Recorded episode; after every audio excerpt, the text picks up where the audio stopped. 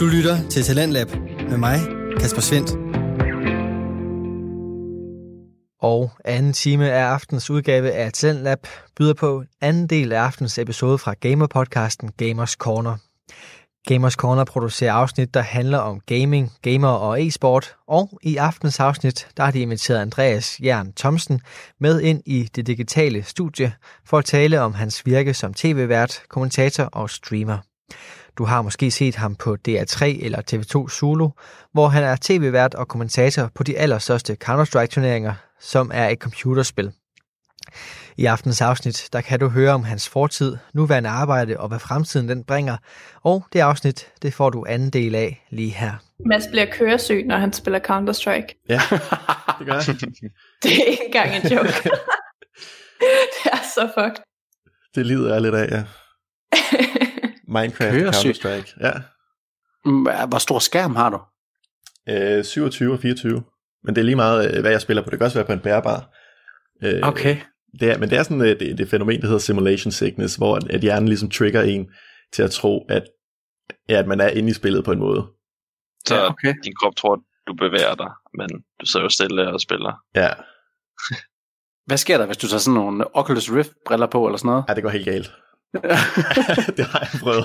Og jeg har Så ligger du med hovedet i spanden. Ja, ja. Lige test mine limits, men det, det går ikke. det er lidt træls. Ja, så vores CS-sessions, det er uden Mads, Ja, det er desværre. det. Desværre. Men der er, jo, der, er jo, der er jo gaming til alting. Altså, man kan jo, der er jo masser af spil, man kan begrave sig i, men det behøver ikke at være CS. Der er jo noget til alle. Ja, lige præcis. Altså, Det er derfor, jeg har brugt min tid på World of Warcraft. ah, sådan. Ja, men hvor meget... Kan det stadig noget? Altså, Åh, ja, nej. Ikke rigtigt. Det er, altså, det, jo, jo flere expansions der kommer, jo mere, eller jo mindre tid bruger jeg på det. ja. jeg tror, de Det er lidt forkerte retning. Ja. Man føler også lidt, det er sådan noget, det der full circle. Jamen, nu går vi tilbage til den første udgave, og så er det det, der er det nye. Sådan lidt, så har man måske lavet lidt en flit erklæring, ikke? Ja, lige Ja, præcis. de har jo tænkt sig at compromise uh, levels igen, ikke? Jo, de, øh, Ja. Hvad hedder sådan noget, de gør alle, altså max level til 60 igen, i den nye expansion. Det er så mærkeligt. Det er virkelig fjollet. Men så de går tilbage til level 60. Hvad, hvad var de Ja. nået til? 120. Okay, så er de halverer lige. ja. Ja, Vi skal ikke nå de 200 level der. Nej, men det var også fordi, det tog en evighed. Altså, det føles bare, når du har ramt level 60, så føler du, altså, du har brugt lang tid, men der er stadigvæk, du er kun halvvejs, og det går ligesom eksponentielt med XP. Du skal stadig, altså, du skal bruge mere og mere for Ah, hvert level. Så det var, Ja. ja, det bliver spændende at se, hvad de gør. We'll see. Også et spil, der er lavet til, at det er jo ikke sjovt at level op. Det er jo først sjovt, når du kommer til sidst. Så man føler bare, at det er en lang pligt i starten. Lige præcis. Det Ja, føles det var bare et stort sjovt. grind. Ja. Jeg Laura og jeg, vi startede her for en måned siden for at prøve at level op, men det var ikke, altså, det sjove, det var jo egentlig bare at sidde og snakke sammen. Det var ikke sådan sjovt at spille og komme i et nyt level, fordi så går du to levels, så har du nyt item, så går du to levels, nyt items, og der er bare ikke, ja. der er ikke noget fedt ved level i det spil mere. Nej, nej. Altså, det var sådan lidt nostalgien i det, at okay, nu laver vi øh, nogle nye karakterer, så... Og det var meget sjovt og sådan, men... men ja, det var sgu også lidt. Vi prøvede at give det en renaissance, men det virkede ikke, Nej, vi fejlede. desværre. men hvor meget, øh, hvor meget tid har du så til at spille nu? Altså, når du, øh, når Det du svinger, Ja. det svinger virkelig rigtig meget. Altså, øh, fordi jeg også er selvstændig, så er det jo... Øhm, så er det jo meget i perioder. Altså har vi lyntrav på Zulu, så er det jo fuld dedikation dertil, og, og så, så spiller jeg ikke i, i hverdagene øh, Nej. rigtigt, fordi så, øh, så bruger jeg tiden sammen med, øh, med min kæreste øh, datter, Mm. øh, og ellers så, så arbejder jeg simpelthen i, i hverdagene. Der, der er en rigtig meget forberedelse, der går i det, specielt også når vi har været i gang med, med at lave øh, nogle magasiner til, øh, til det der danske spil for eksempel, så er det sådan noget, jeg laver i hverdagene, og så turneringer i, i weekend. Ja. Og, og hvis der har været rigtig mange weekender i streg, så har jeg også sådan, kan jeg mærke, når jeg vågner mandag morgen, at jeg har bare behov for, at jeg skal have min egen weekend nu, og så tager jeg to dage, og så er det ikke nødvendigvis lige gaming. Øhm. Men der er også andre perioder, hvor der ikke er noget, altså for eksempel her i, i, da, da, i starten af marts, hvor coronaen startede, der havde jeg faktisk ikke nogen turnering øh, og arbejde planlagt i næsten halvandet måned. Så der gik jo tiden jo rigtig meget med gaming af den grund. Ja. Øhm, og der er det, det er super lækkert, at jeg har min Twitch-kanal, fordi så kan jeg skrue sådan lidt op og ned i perioder. Øhm, har, jeg, har jeg ikke særlig meget øh, sådan reelt arbejde, så, øh, så streamer jeg noget mere. Og så bruger jeg ligesom tiden på det for både at holde mig selv relevant øh, og, øh, og også sådan, øh, øh, hvad skal man sige, være kontakt med folk øh, og holde kanalerne i live. Ikke? Ja. Og så kommer der perioder, hvor jeg bare overhovedet ikke streamer i halvandet, måske to måneder endda, simpelthen fordi, at jeg har så meget fokus på så meget andet. Hmm. Så, der Øhm, bliver ikke så det er virkelig, virkelig varierende. Jeg vil sige, jeg, jeg spiller måske øh, to timer om dagen.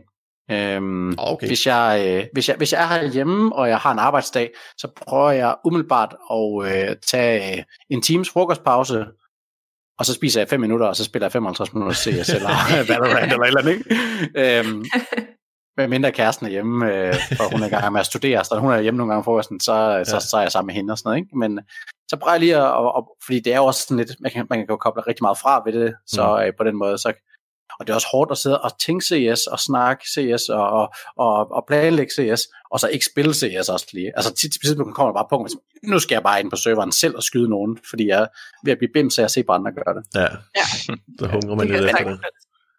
Ja, måske to timer om dagen, øh, og så lidt alt efter, hvad, øh, øh, hvad lysten er til om aftenen. Jeg har en kæreste, som også godt øh, kan spille computer, og også kan se charmen i det, så vi spiller øh, Diablo sammen nogle gange om aftenen. Nice. Øh, vi har også taget nogle øh, singleplayer-spil, øh, eller et eller andet, hvor, som er meget med historier i, og så har jeg siddet og spillet, og så sidder hun ved sammen med mig, og sådan noget, hvor- hvis man skal løse gåder og sådan noget, der, det Mm. synes vi er ret hyggeligt. Ja. Og det er Øhm. skide hyggeligt at gøre sammen. Så. Det er mega nice. Altså, det, det, det er super fedt. Men, men andre gange, så er der en eller anden fed serie, vi er i gang med, så er det det, vi ligesom øh, øh, hammer løs i om aftenen. Ja. Ja. Nå, men så der er stadigvæk, øh, der er stadigvæk tid til at game, når man, øh, når man er... Ja, det, det tror jeg, der vil være resten af mit liv. Altså, jeg tror stadigvæk, at jeg vil være en, der, der, der gamer altid, fordi at jeg, jeg finder simpelthen så meget tilfredsstillelse i det. Ja. Øh, og det er ligegyldigt, om det er solo queue i et eller andet spil, eller om det er single player, eller om det er sammen med andre. Jeg kan altid få noget, altså, jeg, jeg får Ja. sådan lidt ud af et pusterum, øh, og det giver mig bare så meget energi at sidde og spille. Det tror jeg, de fleste af os her, øh, eller os alle sammen, vi egentlig kan ikke genkende til. Jeg kan heller ikke forestille mig, at gaming nogensinde skulle stoppe med at være en del af mit liv. Altså, fordi det er så inkarneret en del af os, ikke? Ja, det er rigtigt. Ja. Men når du så siger, at, at du nogle gange går ind og streamer, øh, også for ligesom at, at være relevant, Mm. og du er på TV2 Zule, er, er der nogen negative følger med det? Er der nogen øh, hvad skal man sige, negative konsekvenser ved at være, jeg kalder dig kendt ansigt nu? Øhm, nej, det synes jeg faktisk ikke. Nej. Øhm, altså man kan sige, at min Twitch-kanal er heller ikke større, end at det er relativt nemt at at moderere. Øh, så øh, der sidder måske kun øh, 100-150 mennesker og ser med, når jeg, når jeg streamer. Så det er, jo, det er jo relativt nemt lige at holde et overblik. Og jeg synes bare, det er super fedt, at øh, jeg kan ligesom bibeholde mine rødder på en eller anden måde, fordi det er også Twitch, der har skabt mig. Øh, Mhm. Så øh, jeg vil også gerne være tro til det. Mm. Og jeg er også meget opmærksom på, når jeg er på Twitch, om jeg sådan har ændret mig i forhold til, hvordan jeg måske var i gamerhuset. Jo, jeg er blevet ældre og sådan noget, men jeg vil, jeg vil også godt stadig være tro til den del af mig, fordi det, det er også vigtigt for mig. Øhm, og det, det, der er måske Twitch lidt med mig til at holde, holde, mig- lidt tjek på en eller anden måde, at jeg stadigvæk er på den måde. Fordi jeg er jo også blevet ansat på TV2 på, på grund af den måde, jeg var hos Twitch. Mm. Altså det der med at prøve at være i øjenhøjde med folk, og helt afslappet, og det er jo det, som det, er der gør, at når måske mange unge mennesker har lyst til at se med, fordi at Flow TV er normalt ikke noget, unge mennesker måske ser, og Nej, så det- får de lidt den samme genre af underholdning, altså det her med, at vi er bare live, og vi snakker bare, og vi har ikke sådan planlagt historie. Jo, når vi er i studiesekvenserne og sådan noget, så har jeg da selvfølgelig planlagt nogle grafikker og sådan Mm. noget, men det er jo ikke, der er jo ikke nogen teleprompter. Ordene er ikke besluttet foran, de er ikke sagt før, så øhm, og, og det vil jeg ved, vedholde. Jeg, jeg elsker at lave live tv. Jeg har sygt svært ved, når noget af det ikke er live. Øhm, for eksempel, øhm, jeg var med i en tv-serie for TV Syd, der hedder Tæv din teenager. Ja. Og øh, en del af det, det er, at øh, jeg skal jo sige nogle bestemte ting, fordi at jeg er verden. Øh, og det betyder, at det er skrevet ned, og så skal jeg øve de replikker, og så skal jeg sige det næste dag. Mm. Og jeg var elendig til det. Altså, det var helt absurd. Så, så, altså, de var lidt, faktisk lidt i chok over, hvor dårlig jeg var til det. Så skal man stå i de der interviewer, og så skal jeg sige nogle ting. Simple sætninger kunne jeg ikke nogen gange, altså, fordi jeg farede bare vild i dem, fordi ja. jeg, jeg var så fokuseret på det. Øhm, og så fandt vi ud af, at de, de sidste altså seks afsnit, der skulle jeg bare ikke have nogen replikker. Så sig, kan du sige noget omkring det her? Og så sagde jeg et eller andet, og så, ja, det er det, vi bruger, fordi det det var sgu meget bedre. Freestyle. Øhm, Ja, det er præcis. Og det, Ja. det er jo selvfølgelig også lidt, altså det er jo noget, jeg måske skal prøve at lære, hvis jeg rigtig gerne vil være noget inden for tv, fordi en stor del af tv er, er den der del, ikke? Men jeg elsker bare det andet så meget, at, at det vil jeg bare bibeholde. Altså, det er det, jeg synes, der er fedt at gøre. Ja, Øh, det var meget interessant, det du sagde med øh, at formidle hvad hedder det, viden der på, øh, på Flow TV. Øh, så jeg er lidt interesseret i, hvordan, øh, hvordan du har tænkt over at formidle kan man sige, CS til, til dansk publikum, frem for kan man sige, det internationalt. Om I har tænkt over, at, at der ligesom at der er mange nye øh, hvad hedder det, seere, I har med der. Ja, altså det er sindssygt svært. Og jeg synes heller ikke, vi har ramt den sådan lige skabet nu. Vores problem er meget det der med, at vi jo selvfølgelig et CS-program, øh, og der er masser af CS-fans, der, der ser med. Øhm, mm. Men vi er også et familieprogram og et underholdningsprogram, og så er vi en sportsudsendelse. Ja. så øhm, seerne, de svinger meget fra øhm, folk, som aldrig selv har spillet CS, øhm, men synes, det er fedt at følge hold som Astralis eller lignende, og så helt op til hardcore seere, som måske sidder og set en kamp på Twitch, men tænker, ah, nu tager jeg sgu lige en kamp på Zulu. Øhm, mm. Og det spænd der, der, der kan man ikke ramme alle. Øhm, vi rammer sådan lige i midten. Og så det vi prøver meget at gøre, det er at sige, at øh, vi starter blødt, og så skruer vi op for intensiteten i løbet af en aften, eller i løbet af en turnering, så vi bygger noget mere på. Øhm, hvis der er en Astralis, lad os sige Astralis mod North, spiller mod hinanden klokken 7 om aftenen, så, så bevidst så går vi ned i gear, simpelthen fordi at vi ved godt, at vi kommer til at ramme nogle nye mennesker, der måske aldrig har set vores udsendelse før, øh, eller aldrig rigtig har set CS. Nu har de bare, altså, nu er det her, børnene har slæbt dem med ind foran fjernsynet. Ja. Øhm, vi prøver også bevidst det der med at sige, at vi skal stadigvæk have noget, noget, noget nørdethed, øhm, som, lad os sige, der sidder en familie og ser det, og, og børnene er rigtig gode til, øh, til Counter-Strike, forældrene er ikke, så kan børnene ligesom sige til forældrene, ah, en smoke, altså det er den der øh, røggranat, som giver det der slør der og sådan noget. Så det kan godt være, at vi bare siger smoke, men så sidder der nogen derude, der ligesom hjælper hinanden.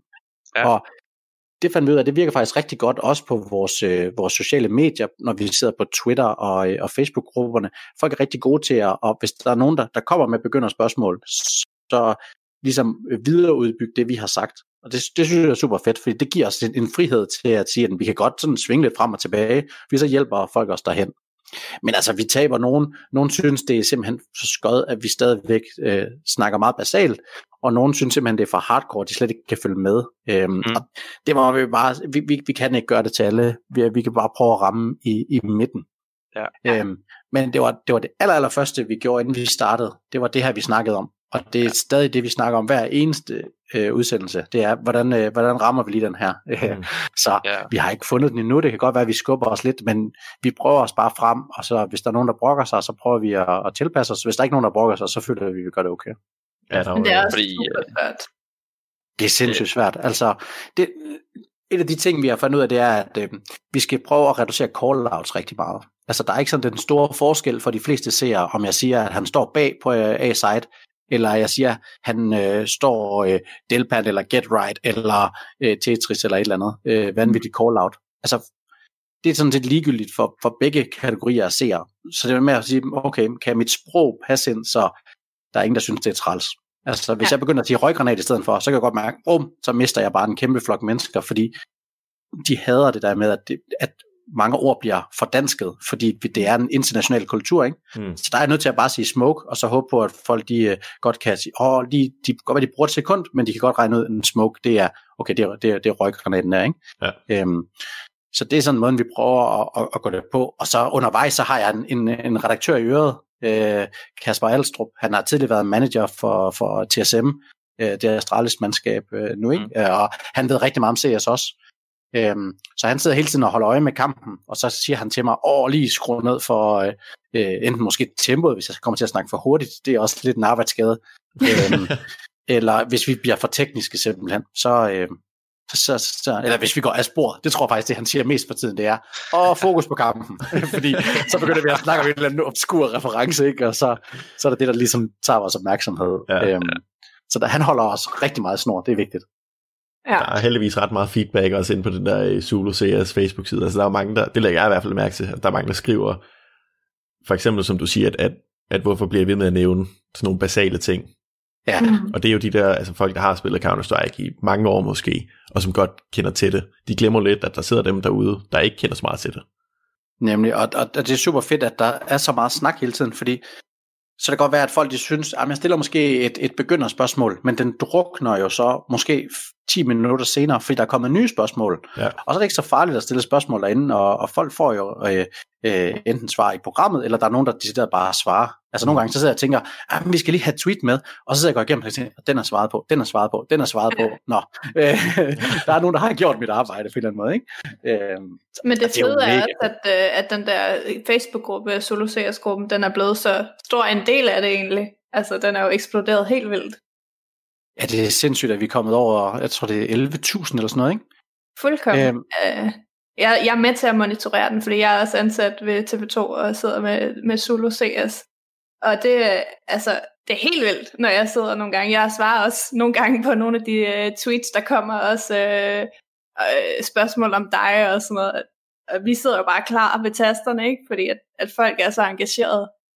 Ja, ja, ja. og man kan, også, man kan også se de dage, hvor Astralis spiller, altså, det, humøret inde i den gruppe afhænger meget af, hvordan Astralis klarer det. Det er jo sindssygt, at, ja. at det er sådan nogle hardcore fans, ikke? At, Ej, det, det er jo så er fedt. lidt vilde. Ja, og, og så, så snart så er der en, der poster, skal Astralis ikke skifte ud, øh, fordi at, øh, de lige har tabt en kamp, ikke? Og så går folk fuldstændig amok. Og så, det er ligesom at se sådan en, øh, en digital barslåskamp, der bare går øh, i gang, ikke? Fuldkommen. det er så vildt. Altså som regel, så øh, hvis folk ikke er over stregen, så lader jeg dem også bare køre deres show, men, øh, men nogle gange er man også nødt til lige at sige, ah, så, så slapper vi lige af. Og lige prøver måske at bakke Astralis lidt op, i stedet for at punke dem hver gang, de bare laver en lille fejl. Altså, de, ja, de er sgu ligeglade. De er vant til det. Mm. Ja, De er vant til at få dødstrusler, når de taber en kamp, fordi en eller anden brasilianer har bettet på kampen, og så har han tabt eller et eller andet. Så De der brasilianer der. er de så vilde. ja. Øhm, når, når I så øh, hvad hedder det, kommentere, og nu kommenterer til så til et dansk publikum, øh, tænker I nogensinde, eller har I tænkt på, øh, når det er, I har, I har jo selvfølgelig et bias, I kommer med, I har nogen, I holder med, men hvordan, øh, hvordan håndterer I med at skjule det, eller, eller sådan bevare, at, øh, at I ikke hæber på et bestemt hold, men man kommenterer kampen, kan man sige. Ja, altså øh, det er også noget, vi snakker meget om. Øhm, og vi har også prøvet lidt i hvert. Altså vi har prøvet fuld danskerhat, øh, flag i studiet og klaphatte og Astralis trøjer og sådan noget. ikke? Ja, Men kæmpe vi øh, også godt- dansk flag. ja, lige præcis. Og det, det bliver måske også lidt øh, for meget, det kan vi jo, kan vi jo godt se. Øhm, der er ingen tvivl om, at hvis Astralis spiller, så, så holder vi med Astralis, men heldigvis så er vi jo også Counter-Strike-fans, så, så det, der er vigtigt for os, det er bare at lade sige, at Navi er modspilleren, at hvis Navi laver noget fedt, at vi så også roser det, for hvor flot det var, Mm. øhm, så der kommer ros til begge lejre. Så det man måske vil mærke, det er, når, når danske hold spiller, så er vi generelt lidt mere positive øh, for begge hold.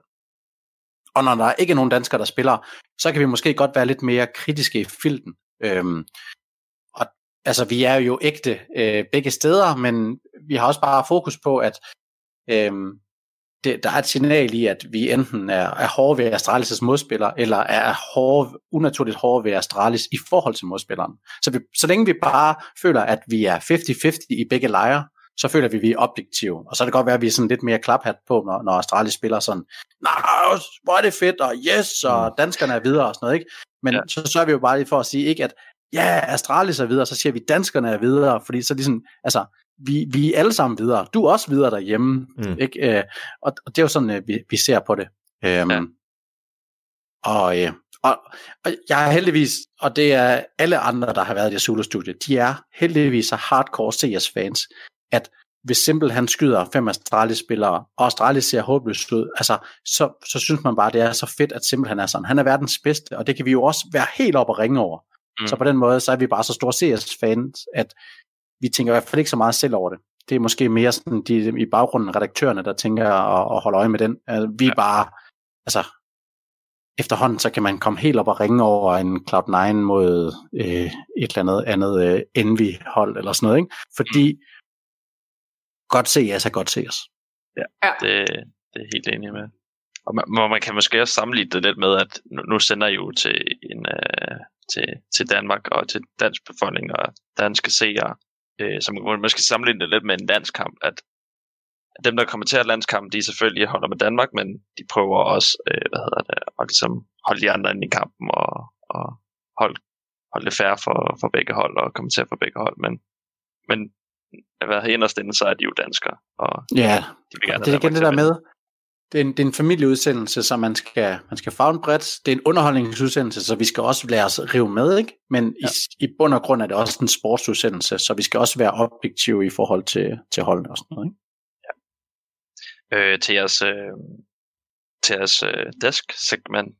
Jeg ved ikke helt, mm. hvad, hvad hedder på dansk, men, øh, men har I, øh, har I øh, sådan noget øh, weatherman-segments og sådan nogle, hvor I går igennem en runde for, hvor har I en skærm, og I kan gå igennem en runde, og der skete det her, det her, det her. Er det noget, der har været op og snakke om at lave, eller er det noget, I har lavet? Ja, altså, øh, vi, har, vi har gjort det øh, øh, lidt sådan halvt øh, øh, i, i, i rigtig lang tid faktisk. Vi har haft sådan en iPad i studiet, og så kan man, øh, så kan man tegne og fortælle på et klip. Problemet er, at vi kan ikke i studiet selv styre klippet, så der skal sidde en ude bagved og, øh, og trykke start og stop og zoome ind og, og forskellige Mhm. ting. Ikke? Så det har været lidt sådan en, en, en øvelse, hvor to skal gøre det på samme tid, som sidder langt fra hinanden, ikke kan snakke sammen. Og det er sådan lidt så, så, så som øh, Niels, der, der, der primært godt, han skal sige, jamen hvis vi stopper klippet her, og så skal ham ud bagved reagere på det, ikke? så Er det- det, det har været sådan lidt en, en halv løsning. Og det har været sådan en løsning, hvor lad os sige, hvis der var en håndboldkamp, der bliver sendt på samme tid, de bruger det samme system, så hvis de er i gang, så er det dem, der har prioritet til det. Så kan vi ikke få lov at bruge det den aften. Det kræver okay. også, at der er en ekstra mand på at arbejde. Så hvis det er nogle af de måske mindre turneringer eller sådan noget, så er det ikke sikkert, at vi har den ekstra mand øh, til, tilgængeligt, at vi kan få lov til det. Men nu har vi fået et nyt studie. Øhm, det rullede vi ud øh, lige i starten af året, og vi nåede lige at dække en turnering i det, så var der coronakrise, og så skulle vi lave noget, et andet setup. Men når vi kommer tilbage på normal køl igen, så kommer vi til at have sådan en skærm, jeg kan gå over til. Øhm, jeg kan lave Skype-interviews der, så jeg snakker med, med spillerne i arenaen, øh, eller hjemme, hvis de sidder hjemmefra. Øhm, og, og jeg kan også gå over og tegne og fortælle på klip og sådan noget der. Men det er jo noget, vi rigtig gerne vil lave rigtig meget af, men det kræver bare flere hænder. Øhm, ja. Og det er det der med, hvor mange kan der, kan der være på arbejde til en udsendelse. Øh, TV2 er et stort hus, og de har mange sportsudsendelser, og vi må også erkende, at hvis der er bare fodbold, håndbold eller en af de der ting der, så er vi lavere prioriteret i forhold til, hvor, hvor mange der kan være på arbejde og sådan noget, og, og hvad for noget udstyr vi kan få lov at bruge. Men det er virkelig noget, vi vil lave mere af, fordi det er jo også der, hvor vi både kan give noget ekstra, altså noget til, til så vi virkelig nørder for dem, der godt kan lide det, og vi kan, vi kan komme op på det der niveau, som de er blevet rigtig gode til på Twitch også. Øhm, Mm. og på den anden side, så kan vi være med til at hjælpe de, øh, dem, der synes, det går stærkt, og det er svært, dem kan vi hjælpe op i niveau, ikke? så de er fremadrettet, når de kommer ind og ser en, en kamp, så nå ja, det var det, de viste dengang. Ikke? Så det er noget, vi virkelig gerne vil lave mere af, øh, og det, det er super vigtigt, øh, at de der studiesegmenter, at de bliver sådan, øh, at de bliver informative og, og, og nørdet også, så folk kan være med. Det lyder virkelig fedt. Øh, glæder mig til at se. Øhm, før, øh, før turneringer, hvordan øh, har I sådan et øh, ritual, eller noget, hvordan I, I forbereder, eller hvordan forbereder du dig til, øh, til når der skal sådan, sk- ske en ny turnering? Altså primært så øh, dækker vi jo slutspil af turneringer, så der har været mange kampe i forvejen. Så den primære forberedelse er jo selvfølgelig at se gruppespilskampene. Og så øh, dagen inden øh, jeg skal sende, så øh, har jeg sådan et Excel-ark, hvor jeg øh, sætter stats ind øh, på maps og på holdene, øh, skriver, hvem har været de bedste de seneste par måneder. Og jeg kan jo, jeg kan jo sådan set tjekke det live på HLTV, når vi sender, det gør jeg meget. Men den der øvelse af at lige at skrive det ind, og selv slå det op, det gør sådan, at jeg kan huske lidt mere. Øhm, så, så det er meget min, min personlige forberedelse. Okay. Øhm, jeg er jo verden, øh, så, så jeg får også, jeg skal også lave sådan nogle ting som at sige, dem, okay, øh, jeg skal byde ordentligt velkommen, hvordan, hvad for en tone skal vi have i programmet, så jeg får også tilsendt nogle, det man kalder en rundown, hvor der står præcis, hvad gør vi de forskellige tidspunkter, og så skal jeg ligesom kunne være med på det, så når min øh, øh, redaktør siger til mig i øret, øh, Glaive, læg op til Glaive interview, ved, hvad Glaive har snakket om, så jeg kan lægge op til, at nu skal vi høre om Glaive, hvor han snakker om den hårde periode, de har haft, eller et eller andet. Mm, så, så jeg skal også uh, se rigtig mange indslag, og også ligesom gøre mig klar på, hvor, hvor er det, vi vil hen af øhm, med det, vi laver. Øhm, den sidste forberedelse, det er jo at, at snakke meget med min uh, medkommentator, primært Niels uh, Risk, og det, det gør vi i bilen. Vi kører fra Aarhus til Odense, og der sidder vi i bilen, og det starter typisk med, at vi lige snakker et par minutter om, om hvordan har hunden det, og sådan noget, og så går vi bare i gang med at CS. øhm, nå, hvad tror du, vi tog det i aften, og så du den nyhed, og sådan noget, og så snakker vi jo bare, fordi vi elsker det. Så, så ævler vi CS fra, fra, fra altså vi starter. Og så er det egentlig meget afslappet. Vi, vi har en enkelt prøve, hvor øh, det er mest, de kan teste udstyret, men vi bruger lige prøven til, at folk de ved, hvordan, okay, du får lige et spørgsmål, du får et spørgsmål, og så er vi i gang. Og så, øh, ja, så sidder vi egentlig bare og joker og prøver at sørge for, at der er rigtig god stemning, inden vi starter, så der er smil på læben, fordi så den energi kommer også tit med ud, at hvis vi har snakket, sådan, øh, snakket os godt varme på hinanden på en eller anden måde, ikke? Ja. Fist bumps, øh, når der er 10 sekunder tilbage, en eller anden obskur joke lige inden vi starter, så alle lige smiler, og mm. så, og så tager vi det bare egentlig bare live. Øhm, Fedt. Så der er lidt forberedelse, og der er selvfølgelig mindre forberedelse nu, end der var i starten. Øhm, men jeg, jeg sætter måske nok en, en, øh, en 3-4 timer hardcore forberedelse af. Øh, måske 5 timer, og så plus at jeg ser ekstremt meget seriøst lige op til, vi skal sende. Mm. Ja. ja. Det giver god mening.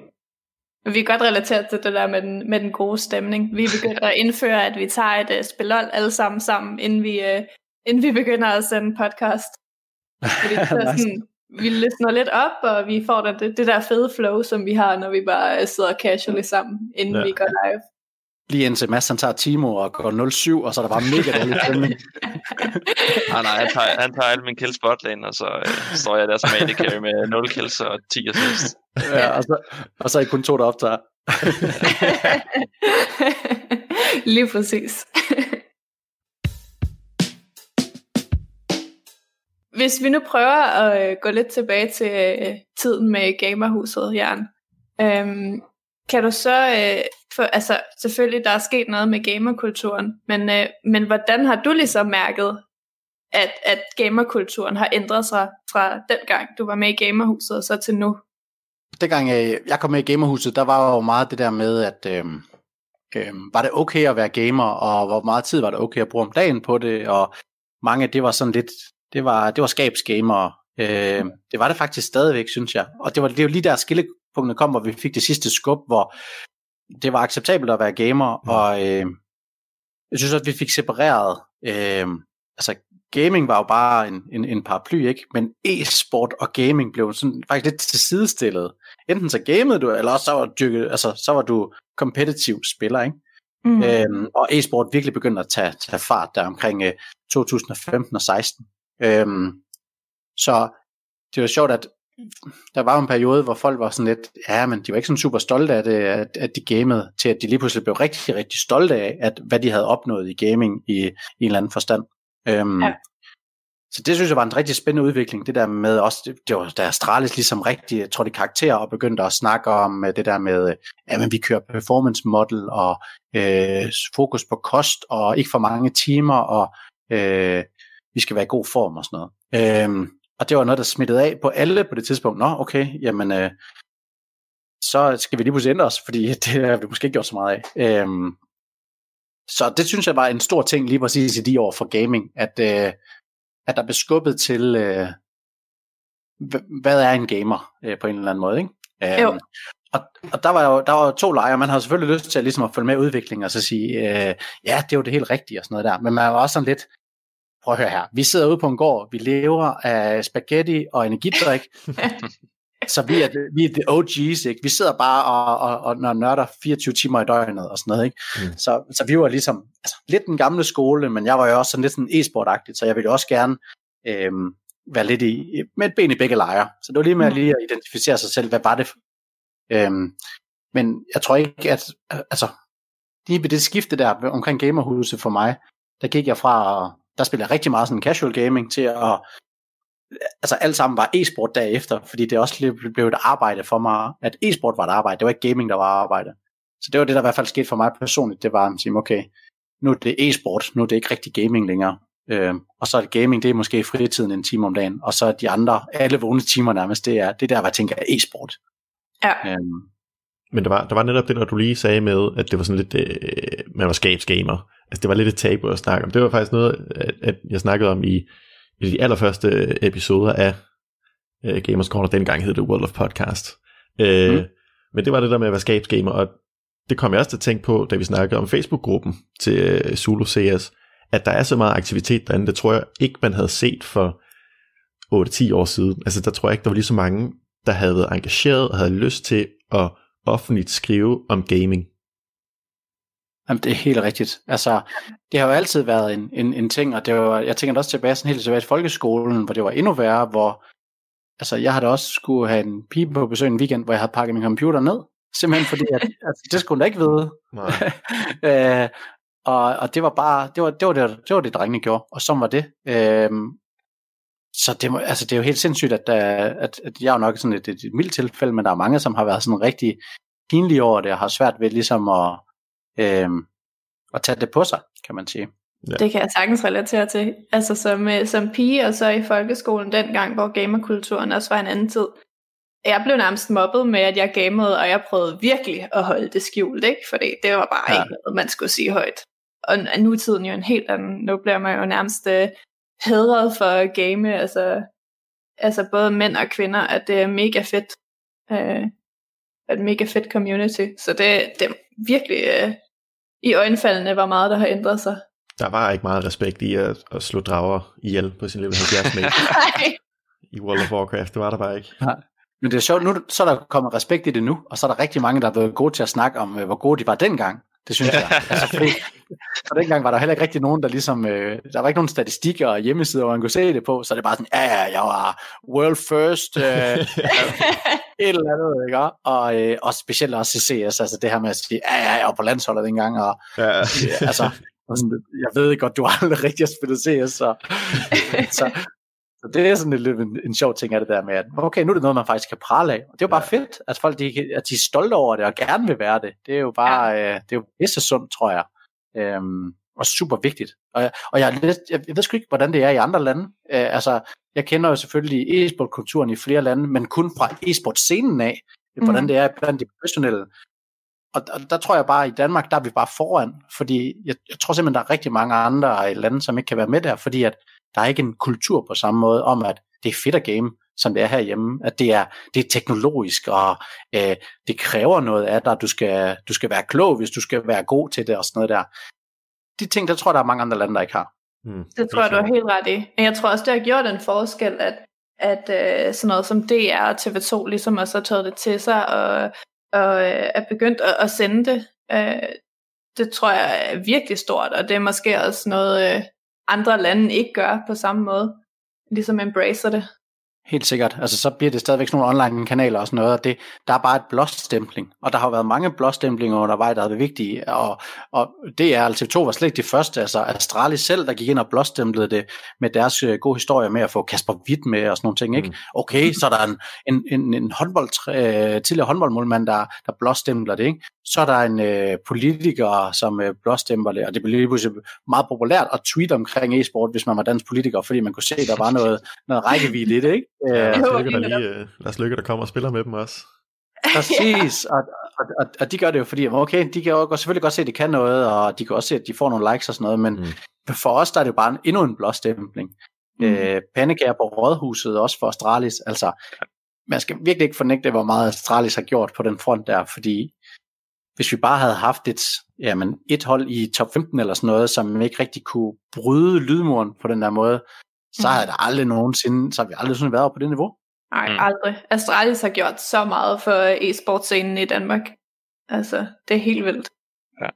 Og det er ikke, Nå. fordi vi ikke har haft gode øh, danske spillere på, på topniveau. Altså, vi er også i League of Legends, der er vi jo den nation, som har flest spillere i den europæiske liga, ikke? Øh, hvis, mm. man, og hvis man kigger på indbyggerantallet, så er det jo helt sindssygt. Øh, og vi har også folk, der tager verden rundt. Vi har den øh, øh, den mest vindende Dota-spiller, ikke? men de kan slet ikke bryde lydmuren på samme måde. Altså, der er stadig folk, der kigger på dem og tænker, sådan gamer der, ikke? Øh, men det, det gør man ikke, når man kigger på Astralis, fordi de ligner bare nogle, de ligner et hold. Det, altså, der, mm. der er noget fodbold øh, øh, pangdang over dem, ikke? Og det har, det har ingen af de andre gjort. Men tror du, at det, altså, er det det der med, at de er et fuldt hold, som er dansk? Eller tror du også, det har meget at gøre med, hvordan de egentlig har brandet dem selv og håndteret, øh, håndteret det her øh, med at være et øh, CS-hold i løbet af årene? Jeg tror, det er rigtig godt for dem, at dit hold, det er vigtigt, vigtigt. Fordi, de, ja. altså, fordi det hele det der med holdspillet, det er jo meget mm. også dansk, det der med, at vi gør det sammen, og vi løfter mm. i flok. Altså, en præstation, der er fem, der gør sammen, det er, altså, det, det er flottere og mere anerkendelsesværdigt end en, en person der, så virker sådan, at ja, han har lige været, været heldig, eller ja, han er bare, han lidt, er bare, han er lidt en ener, ikke? Ja, lige præcis. Så øh, jeg tror, det er sindssygt vigtigt, at det har været en holdsport, hvor vi sådan er, har slået igennem på. Øhm, fordi det, det kan bare noget mere. Det der med at stå i samme trøjer og sådan noget, ikke? Jo, jo. Jeg tror også, det er ret vigtigt, at det lige var Counter-Strike, de slog igennem med, for jeg tror ikke, at det havde været det samme, hvis det var League of Legends. Og det tror jeg har noget at gøre med, at det Jeppe og jeg snakkede om før, at, at der er flere folk, der ikke gamer, der kan relatere til Counter-Strike, fordi det er ikke, øh, altså det er ikke fiktion. Det er det selvfølgelig fiktion på den måde, at det ikke sker i virkeligheden, men altså det er, det er våben, det er, er mennesker, der render rundt, og, og der er ikke noget fantasi. Nej, det er ikke et fantasy-univers. fantasy. Hvis det faktisk nej, League of. Legends, der tror jeg, der er rigtig, rigtig mange forældre, der vil miste interesse. Fordi de Mm. simpelthen ikke, altså de kan ikke relatere til det, de forstår ikke det, de ser på. Øhm, så der, 100%. Det har været rigtig heldigt, at det lige var Counter-Strike, de slog igennem med. Ja. Da jeg virkelig begyndte at, at synke mine tænder i det her med at prøve at gøre det til et arbejde med, med e-sport, der var det jo med League of Legends, jeg startede med. Det var der, hvor jeg tog rundt til de små danske events og kommenterede det. Jeg sad derhjemme, øh, på, da jeg på et tidspunkt boede jeg med mine forældre, øhm, og, øh, og, og så kommenterede.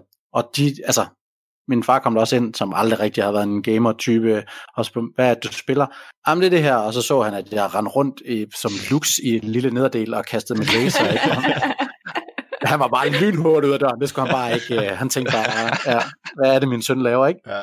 Det er så urelateret bare. Mm. Jeg tror, han synes, det var meget fedt, hvis jeg rendte rundt med en AK. ja. Øhm, det tror jeg, du har ret i. Ja.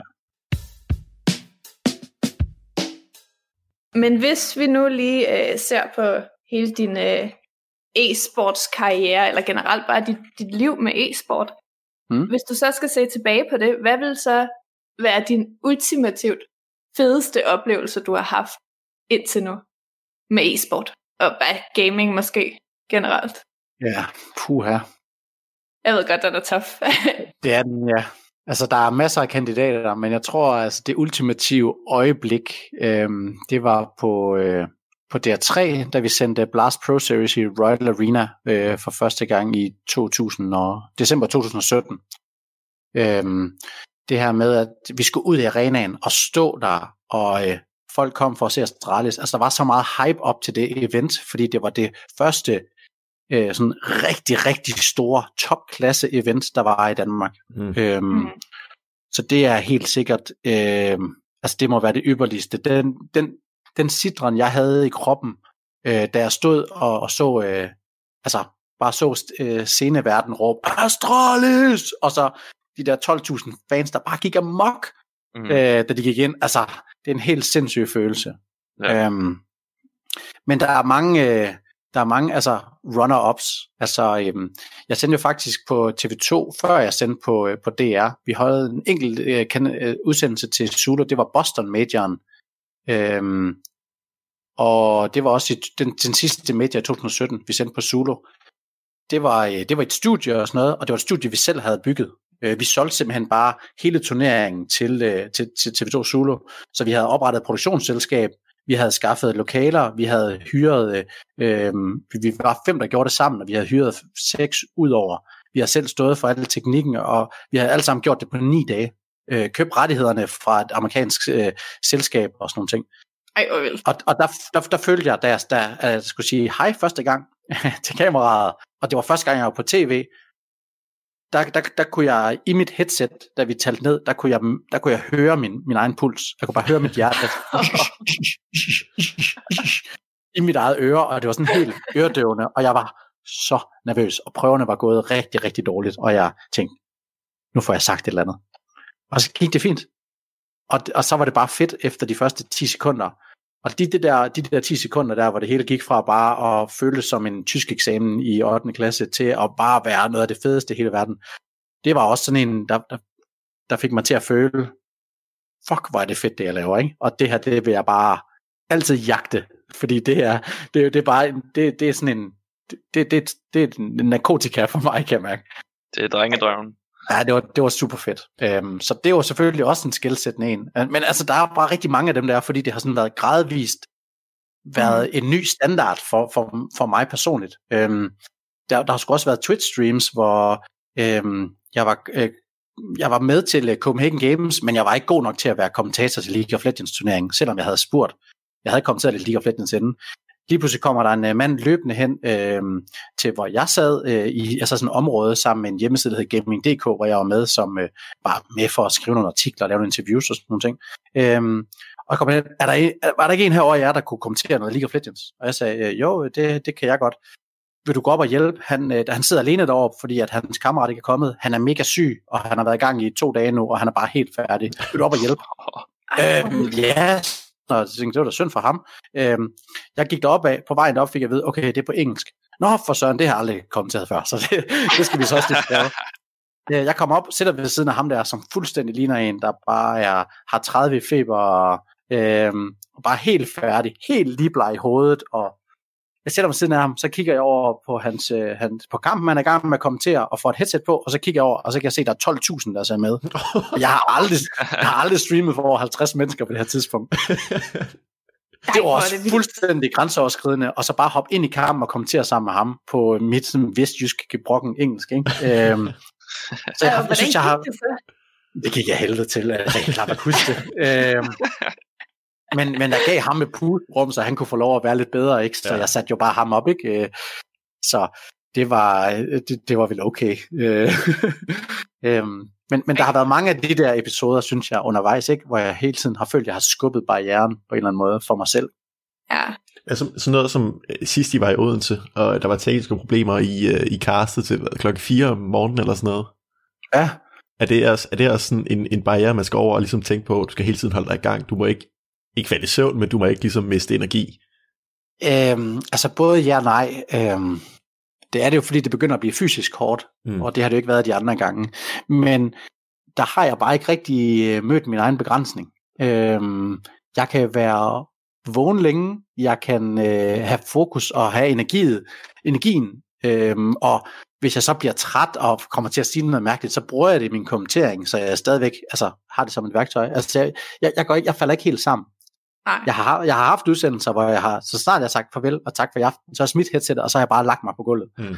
Øh, og, og bare været helt færdig, ikke? Øhm, ja. Og så, så betaler man prisen bagefter. Ja. Men så længe jeg er live og sådan noget, så synes jeg ikke, at det har været så slemt. Og der tror jeg, at Gamerhuset har forberedt mig rigtig godt. Øhm, der fik første... du også virkelig testet dine limits, må man sige. Det gjorde jeg nemlig, og jeg, jeg kan huske bare mit, mit første stream i Gamerhuset, det, der, øh, der lavede vi en video på, på deres Facebook-side, hvor jeg sagde, nu skal jeg fandme vise, at jeg kan streame fuld tid, og jeg er ikke bare sådan en eller anden gæstestreamer, der kommer. Nu kommer jeg og leverer. Og så sådan en video, hvor jeg stod og hævde energidrik ned fra hylden nede i supermarkedet, mens jeg snakkede. Og, og der sagde jeg, at hver gang der kommer en subscriber, så lægger jeg øh, 10 minutter til, øh, hvor lang tid jeg streamer i aften. Og tanken var, at jeg skulle streame 24 timer som udgangspunkt. Og jeg tænkte, ja okay, så bliver det måske 25 timer. Det blev så 36 timer og 50 minutter, jeg skulle streame i streg.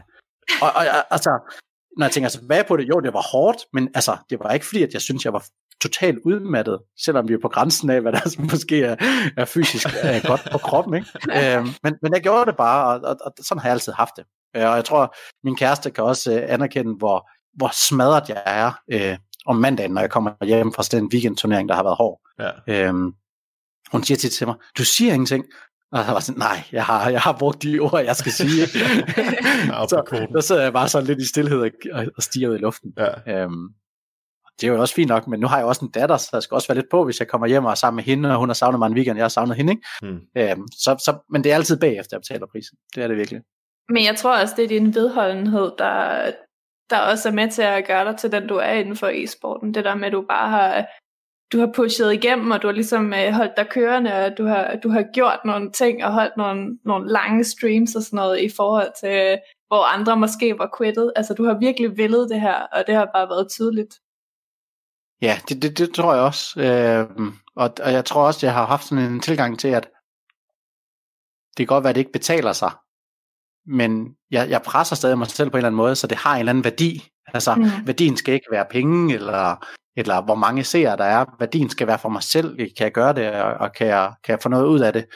Øhm, og det var, det, da, da jeg også startede med at kommentere, der var det det der med, at det var små events rundt omkring i Danmark.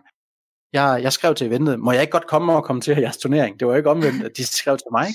Og så øh, der, øh, på det tidspunkt både jeg i Greno, og jeg var i gang med en uddannelse, så øh, fredag øh, efter skole, så tog jeg bussen fra Greno til Aarhus, og toget til et eller andet obskurt øh, sønderjysk land, eller hvor det nu var henne. og så havde jeg bare, øh, jeg havde det hele med. Altså jeg havde en stationær i øh, rygsækken, og jeg havde en bærbar med også, og så satte jeg det hele op. Så streamede jeg fredag aften fra klokken 10 til klokken 4 om natten, sov et par timer, startede klokken 10 næste morgen, streamede hele lørdag, og så måske lige finalen søndag morgen, ikke? Mm. Og så er det bare at skynde sig hjem, og så øh, skole mandag igen. Og jeg, jeg elskede det. Altså, og, jeg, og jeg vidste godt, der var en eller anden, det var fysisk hårdt for mig, og jeg levede kun af, af chips og cola, og jeg tog sygt mange kilo på og sådan noget, men jeg elskede det. Så det var alt sammen sekundært. Det vigtige var bare, at, at jeg, jeg kunne gøre det, ikke? Øhm, så, så det var helt sikkert, det har været et, øh, det har været en bevidst, øh, hvad skal man sige, forretningsmodel for mig. Nu presser vi bare på, viser, at jeg ja. kan, og jeg ikke øh, stopper for noget som helst. Fedt, mand. Altså, nu har din, din karriere jo udviklet sig helt vildt meget øh, de seneste 10 år bare. Men hvis du så ser 10 år frem, kunne du så, øh, altså, kan du så se, hvor du så befinder dig, og hvad du laver? Om du må kaste andre spil, eller... Ja, altså jeg sidder lige og får lidt tekst, det kan du selvfølgelig ikke se, men øh, det er jo helt tilbage til folkeskolen, og min egen mor, der er skolelærer. Hvad laver du om 10 år? Og, det har ikke været et spørgsmål, det har ikke været et spørgsmål, jeg har været så god til. ja. Det er også et øh, spørgsmål. Det er det, ja. Øhm, og øh, jeg håber det. Altså, jeg har jo hele tiden sat det op for, at jeg skal på tv og lave det her. Og mm. det er jo også en, en, en pedestal, jeg har, har sat det ud i horisonten og gået efter. Det har været en drøm, om jeg så har fortalt det til nogle af lege på for ja, 5-6 år siden, så har det jo været en kæmpe drøm. Og så er man kommet dertil, og så sætter man nye mål. Og mm. mit, mit sådan umiddelbare mål, det er at få Counter-Strike på hovedkanalen. Altså prime time på TV2. Mm. mm. Lige efter nyhederne, så er der CS. Oh, yeah. eksempel, om det, og det er CS, om det er et eller andet, øh, bare at, at jeg står der på en eller anden måde. Ikke? Mm-hmm. Jeg, vil, jeg vil aldrig sælge ud, og jeg vil aldrig, øh, øh, jeg kunne aldrig se mig selv lave noget reality for eksempel. Men øh, så længe det omhandler gaming, øh, så, vil jeg, så vil jeg gøre det og presse på. Øh, jeg er også, jeg er også i et, øh, et, et hus nu, som er sindssygt gode på sport, ikke? og der er jo naturlige muligheder for mig, fordi at vi er under TV2-sporten, og så måske, øh, lad os sige, dække noget ekstrem sport, og så måske noget, altså jeg kunne godt ende med at dække fodbold, hvis jeg havde interessen og lysten til det, men drivkraften er bare ikke der. Drivkraften er heller, at så skal det være en anden, en, en anden gaming-ting, ikke? Om mm. det så er e-sport eller ej, så er det så er det, det, jeg vil. Ja. Øhm, så, øh, så altså, jeg vil bare kunne, øh, lige nu er det bare, jeg, kunne, jeg vil kunne leve rigtig godt af det, jeg vil kunne øh, skabe en fremtid for min øh, familie, fordi det er også blevet en prioritet, og så, øh, øh, så er det sgu ikke så vigtigt, om, om hvor det er henne. Så der er et mål om at komme på hovedkanalen og være primetime i Danmark, og lave et eller andet fedt gaming-indhold på dansk.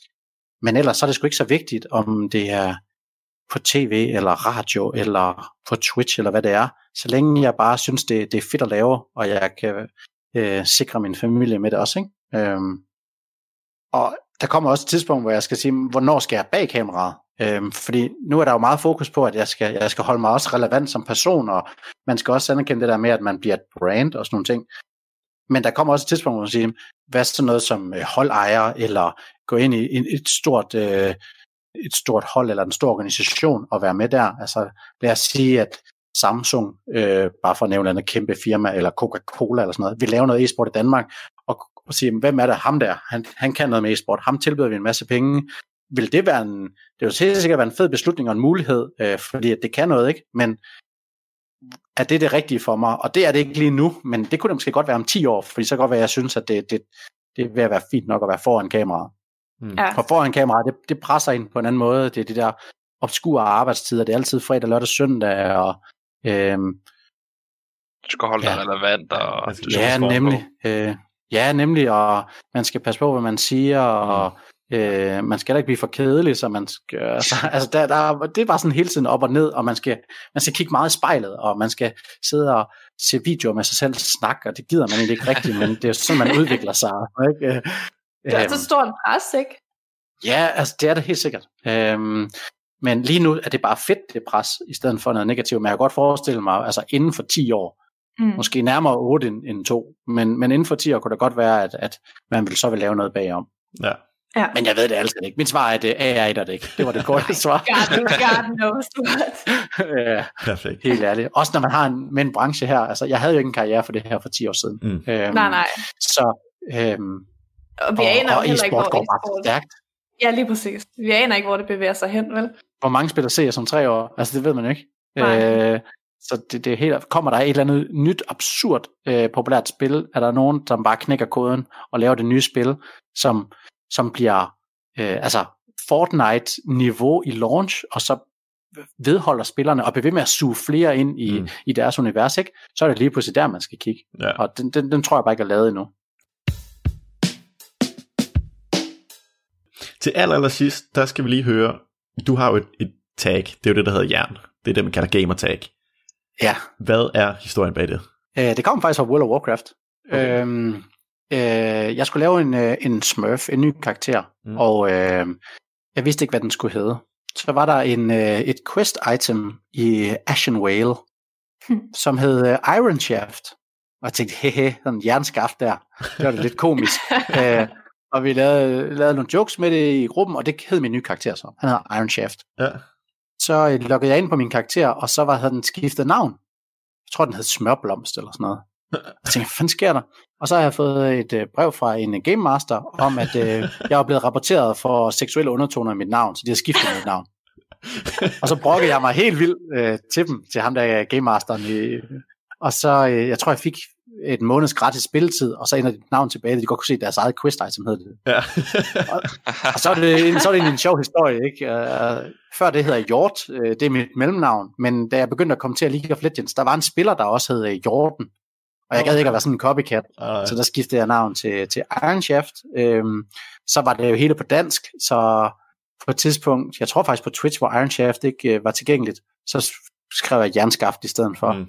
Og så havde jeg jernskaft i lang tid. Det gør jeg jo også i gamerhuset, da jeg startede der. Man kan mm-hmm. godt Mhm. se, at okay, øh, jeg begynder sådan at gå ind i lidt mere mainstream, og så er det måske lidt... Ja, lige præcis. Og det er federe måske lige at fjerne jernskaft, øh, så bare hed jern i stedet for. Ja. Jern, det var sådan lidt, det var, det var sgu kraftfuldt, og det, det, det, altså det havde sin egen charme, og folk forkortede det alligevel til jern, så det var jo bare det folk, de kaldte mig. Ikke? ja, ja. Øhm, så det var også bare sådan en, en udvikling. Fedt. Men Der er nemlig, det er altid sjovt at høre sådan en historie om, øh, om gaming tags, for der er ofte nogle, øh, nogle ret gode nogen. Ja, jeg, jeg, jeg var i den her periode, hvor Shizzle, det var meget fedt. Så min, min YouTube-kanal, jeg startede, den hed Iron Shizzle HD. oh my god. Øh, så hver gang jeg logger ind på Gmail, så tænker jeg bare, for fanden. Men øh, det er jo fint nok. Det skal man også, øh, det skal man også huske den tid, ikke? Ja, præcis. Jeg vil sige, det er en af de bedre uh, tag-historier med jern der. Iron Shaft, okay. Det tror jeg, øh, det tror jeg var det. Mm. Det var øh, mega fedt at høre om, øh, hvor du kommer fra, og, øh, og hvad du laver lige nu. Specielt for, altså, jeg vil gerne arbejde med, med gaming også. Øh, så det var mega fedt bare at høre om, om det, du går og laver. Det skal vi nok få løst, Mads. Fedt. Tusind tak, fordi du gad være med. Ja, tusind Det var tak. slet. Tak fordi jeg måtte. Super fedt, at I laver det her, og, og lave en masse mere. Bliv ved, bliv ved, bliv ved, bliv ved. Man skal, der mangler mange flere gaming podcasts. Jeg synes slet ikke, der er nok. Øh, så øh, endelig, endelig lave flere afsnit. Yes. Radio 4 taler med Danmark. Det var Gamers Corner, en podcast fra Syddansk Universitets Studenterradio Stål. Dine værter var Mads Rasmussen, Jeppe Buk Madsen og Laura Gregersen. De havde i aftens episode besøg af gæsten Andreas Jern Thomsen, som er tv-vært, kommentator og streamer. Som sagt, så er Gamers Corner fra Studenterradioen Stål, som er Syddansk Universitets Studenterradio, og alle programmer fra Stål Radio, de bliver produceret af studerende, og målgruppen er således både medstuderende og selvfølgelig også den nysgerrige lytter. Udover Gamers Corner, så kunne jeg i aften også præsentere dig for et afsnit fra podcasten Ærligt Talt med de to værter, Jannik Allerslev og Jonas Aersø. Og de to kig på de gode og dårlige sider af coronakrisen og karantænetiden. Inden jeg runder af for i aften, så vil jeg minde dig om, at hvis du selv sidder derude med en fritidspodcast, som du har lyst til at dele med endnu flere, så kan du også få den sendt her i programmet. Det kan du ved at gå ind på radio4.dk-talentlab og udfylde vores formular, hvor du kan vedlægge et afsnit eller en smagsprøve på din podcast og sende den vores vej. Der er ingen begrænsninger for, hvad din podcast den kan eller skal handle om, for her i programmet, der tror vi altså på, at det, du har at fortælle, det har vi lyst til at dele. Og der er heller ingen krav til længden på din podcastafsnit, eller hvor tit du sender sådan et. Mit navn det er Kasper Svens, og sammen med min kollega Lene Grønborg, så står jeg klar hver aften i programmet her med afsnit fra nogle af Danmarks bedste fritidspodcast. Og den fornøjelse, den kan du altså skrue ind på igen i morgen. Indtil da, så skal jeg huske at sige tak, fordi du lyttede med og på genlyt. Nu der er det tid til nattevagten her på Radio 4. God fornøjelse.